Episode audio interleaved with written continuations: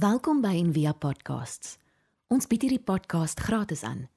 Om 'n bydrae te maak, besoek gerus ons webblad en via.org.za vir meer inligting. Daar is 'n manier hoe die Here my en jou lewe verander en hoe die Here hierdie hele skepping in stand hou. Dis 'n gegewe, dis 'n patroon, dis vas, dit kan nie anders. En is orde, wanorde en herordening. En ons moet deur dit. En ons gaan gereeld deur dit. Jou lewe gaan dit sê. Hierdie natuur sê dit nou vir ons. Die somer kom, hoekom? Wanneer was 'n winter? Walter Bruggeman is 'n profie in die Ou Testament en hy sê myn jou lewe is maar soos die Ou Testament se boeke. Jy word gebore as 'n kind en is die wet. En dan kry jy jou eie stem, jy raak bietjie cheeky, jy bevraagteken, jy word 'n profeet. En as jy reg oud word, dan gaan jy na die wysheidsliteratuur, die boeke toe. En hierdie lewensiklus speel ook uit in ons lewe. En wat doen ek en jy? Ons hou nie van die wanorde nie. Hy het hierdie amazing werk oor die psalms gedoen en hy deel al die psalms ook. Hy sê jy kan elke psalm, psalms van ordening soos Psalm 1, psalms van disoriëntasie, Psalm 22, my God, kom het jy my gelos en dan psalms van heroriëntasie, Psalm 150, ek wil U loof. Jy kry daai struktuur baie keer in in een psalm. Maar ons skeer die psalms van wanorde uit. Ons wil dit nie bid nie. Ons wil dit nie glo nie. Ons wil nie daar wees nie. Ons maak dit net vinnig reg. Ons het verlede keer gekyk na hierdie grafiek oor die um, oor pandemies wat die gesondheidsraad in die FSA gedoen het. En wat hierdie grafiek sê is dat ja, daar's orde, daar's wanorde en dan kom 'n herordening.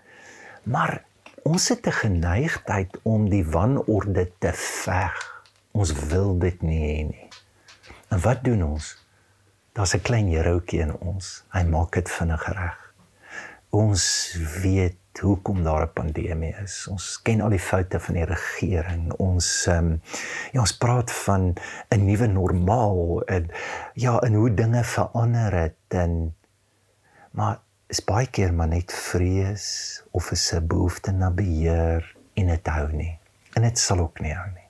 God kan nie skep nie. God kan niks verander nie. Want dis hoe hy die aarde gemaak het. Hy het nie gesê hoor hierdie aarde is nou so mooi, ek gaan dit nou die aarde noem. Dit was woes en leeg. Dit is chaos en daar was 'n ontlediging toe gebeur het.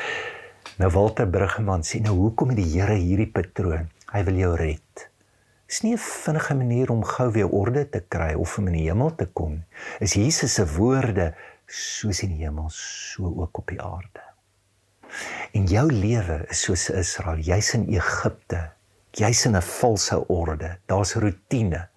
Maar die Here wil jou verlos. En as jy uit dit uitkom, as jy uit hierdie heroutjie en hierdie faraootjie, as jy vir hom totsiens sê, dan wil jy amper glo, maar nou is jy vry en is wonderlik. Nee, nou gaan jy in die wanorde ons redding lei ons na wanorde nie na orde toe nie. En as jy 40 jaar in die woestyn en dan kan jy Kanaan toe. Nou hy het hierdie mooi woorde, the juice of emancipation. En hy sê elke oupa en elke ouma moet hierdie storie vertel, hierdie sap, hierdie hierdie vlam van ontwikkeling, van groei, van hierdie patroon wat God in ons lewe bring. Kom ons luister vinnig na hom. I, I have just uh, discovered two verses in uh, the book of Exodus in chapter 10 uh, where um, God says, uh, I guess to Moses, or Moses says, somebody says, I have done all these plagues in order that you may tell your grandchildren about them. So I've been working those two verses that the, that the whole drama of the Exodus was enacted in order that the grandparents could have something to say to their grandchildren.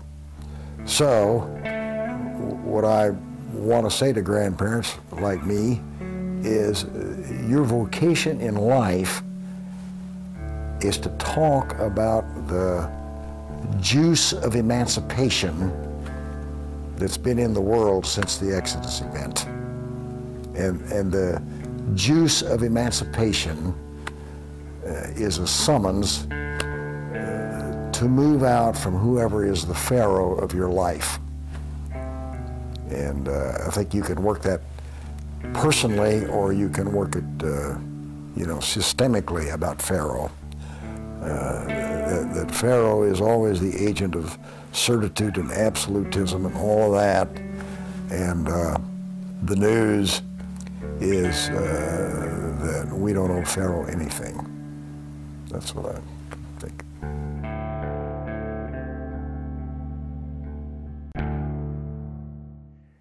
Wat die farao vir jou beloof is gemak en jy sal soos Israel as jy uit dit uitkom dan hulle het verlang na die vleispotte van Egipte.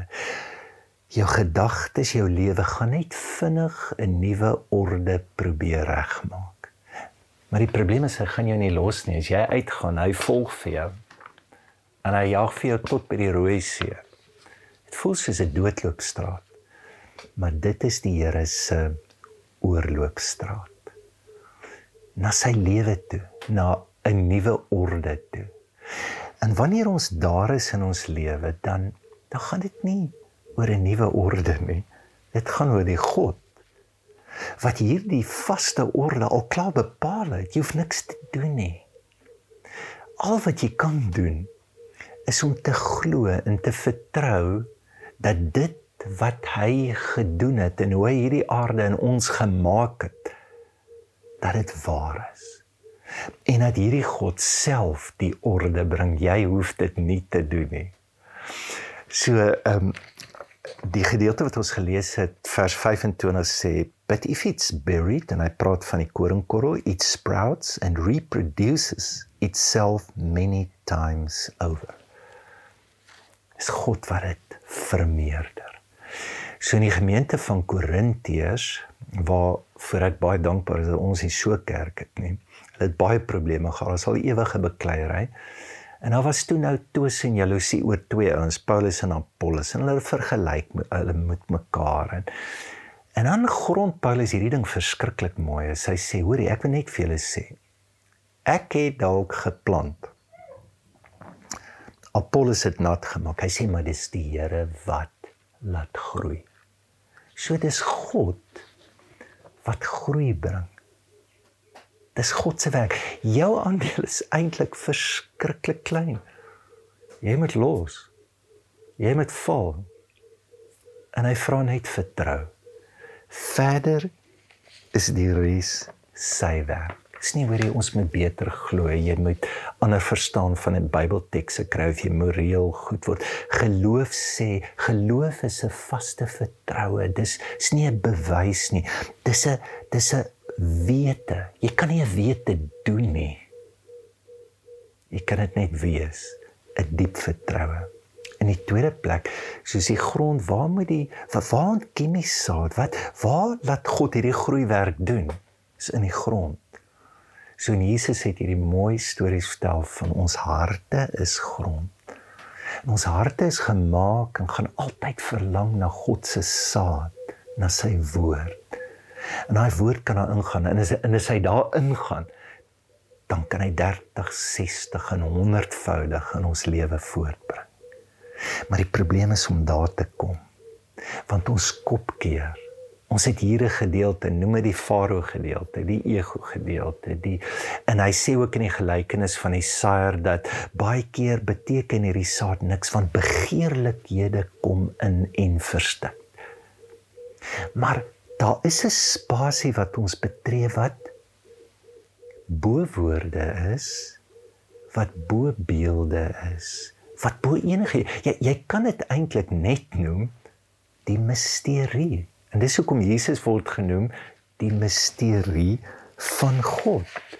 In in in 'n wonderlike plek waar ons elke keer wanneer ons die ego, ons verwonding, kulturele druk elke keer as ons koppe breek kan maak met dit, aanval ons in 'n hartspasie. Waar binne die Here se woorde na ons lewe toe kan kom. So wat is die Bybel? Wat is God se woorde? Dis wysheid. En dis waar die heroriëntasie plaasvind.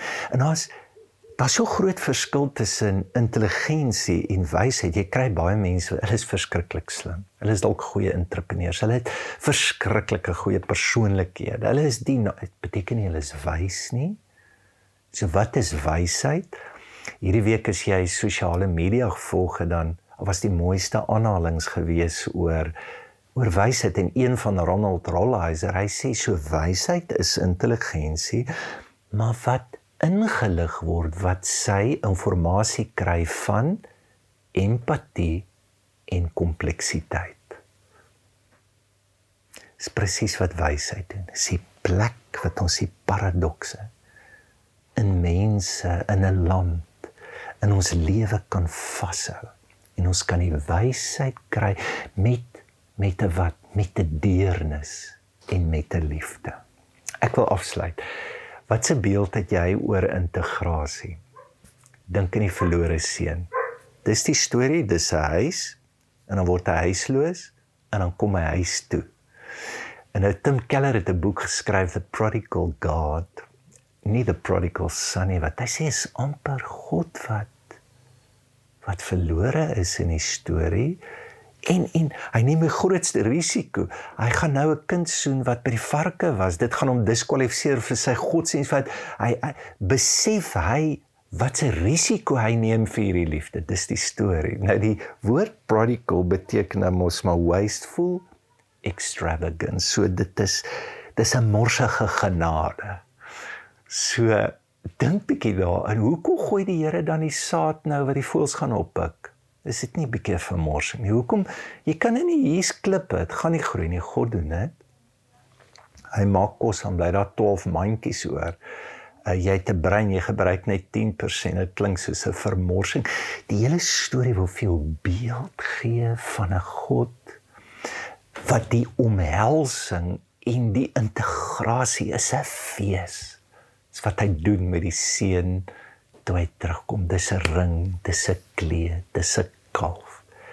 Dit is die lewe wat jy verlang, se lewe van oorvloed. Nou baie van julle het seker al die film Babette's Feast gekyk en as jy nie het nie, doen dit asseblief. Ek dink daar in die 80's is die film gemaak en 'n storie van 'n meisie Babette wat sy is hierdie fenominale chef en dan kom die oorlog en sy vlug Denemarke toe en dan gaan werk sy vir twee sissies. Hulle werk nou maar eintlik vir die kerk en hulle kyk na 'n Christelike gemeenskap en hulle pappie was 'n pastoor, maar dit is uh, is nie 'n lekker klomp mense. Daar is nie jy, jy wil nie nou daar tot bekering kom en dis ook niemand wil nie. En dan gaan werk sy daar en dan wen sy 10000 frank in Parys en dan besluit sy om al haar geld te spandeer om 'n maaltyd te hou. En dan eet die dorp. En dan na hierdie eter is absoluut dis die beste. Dis die nou ontdek hulle eintlik wie sy is en dan sê hulle vir Jesus nou gaan jy ons seker los en sê sy kan nie. Ek het niks meer geld nie. Kyk, dit is waarna integrasie my en jou lewe neem dit is die verloor. Dis die uitstort. Dis die omgee. Dis die empatie. Dis die insluit van almal. En dan is daar 'n ou boetiekie wat nie wil inkom nie.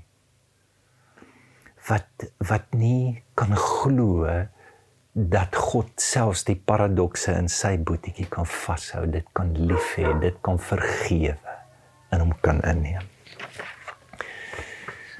Wil jy nie vandag vir 'n oomblik net dink aan ja, hoe maklik ek en jy teruggryp na die farao's in ons lewe om 'n orde te skep wat ons weet ons nie dien nie. En dalk is jy vandag op 'n plek wat jy voel maar ek het ek het orde nodig in hierdie huwelik, hierdie verhouding of in my besigheid of wil jy nie net glo, vertrou dat die Here op 'n manier waar jy nou is kan herskep en dit oorgee vir hom. Ons hoop van harte jy het hierdie podcast geniet of raadsaam gevind. Besoek gerus en via.ok.za vir meer inligting.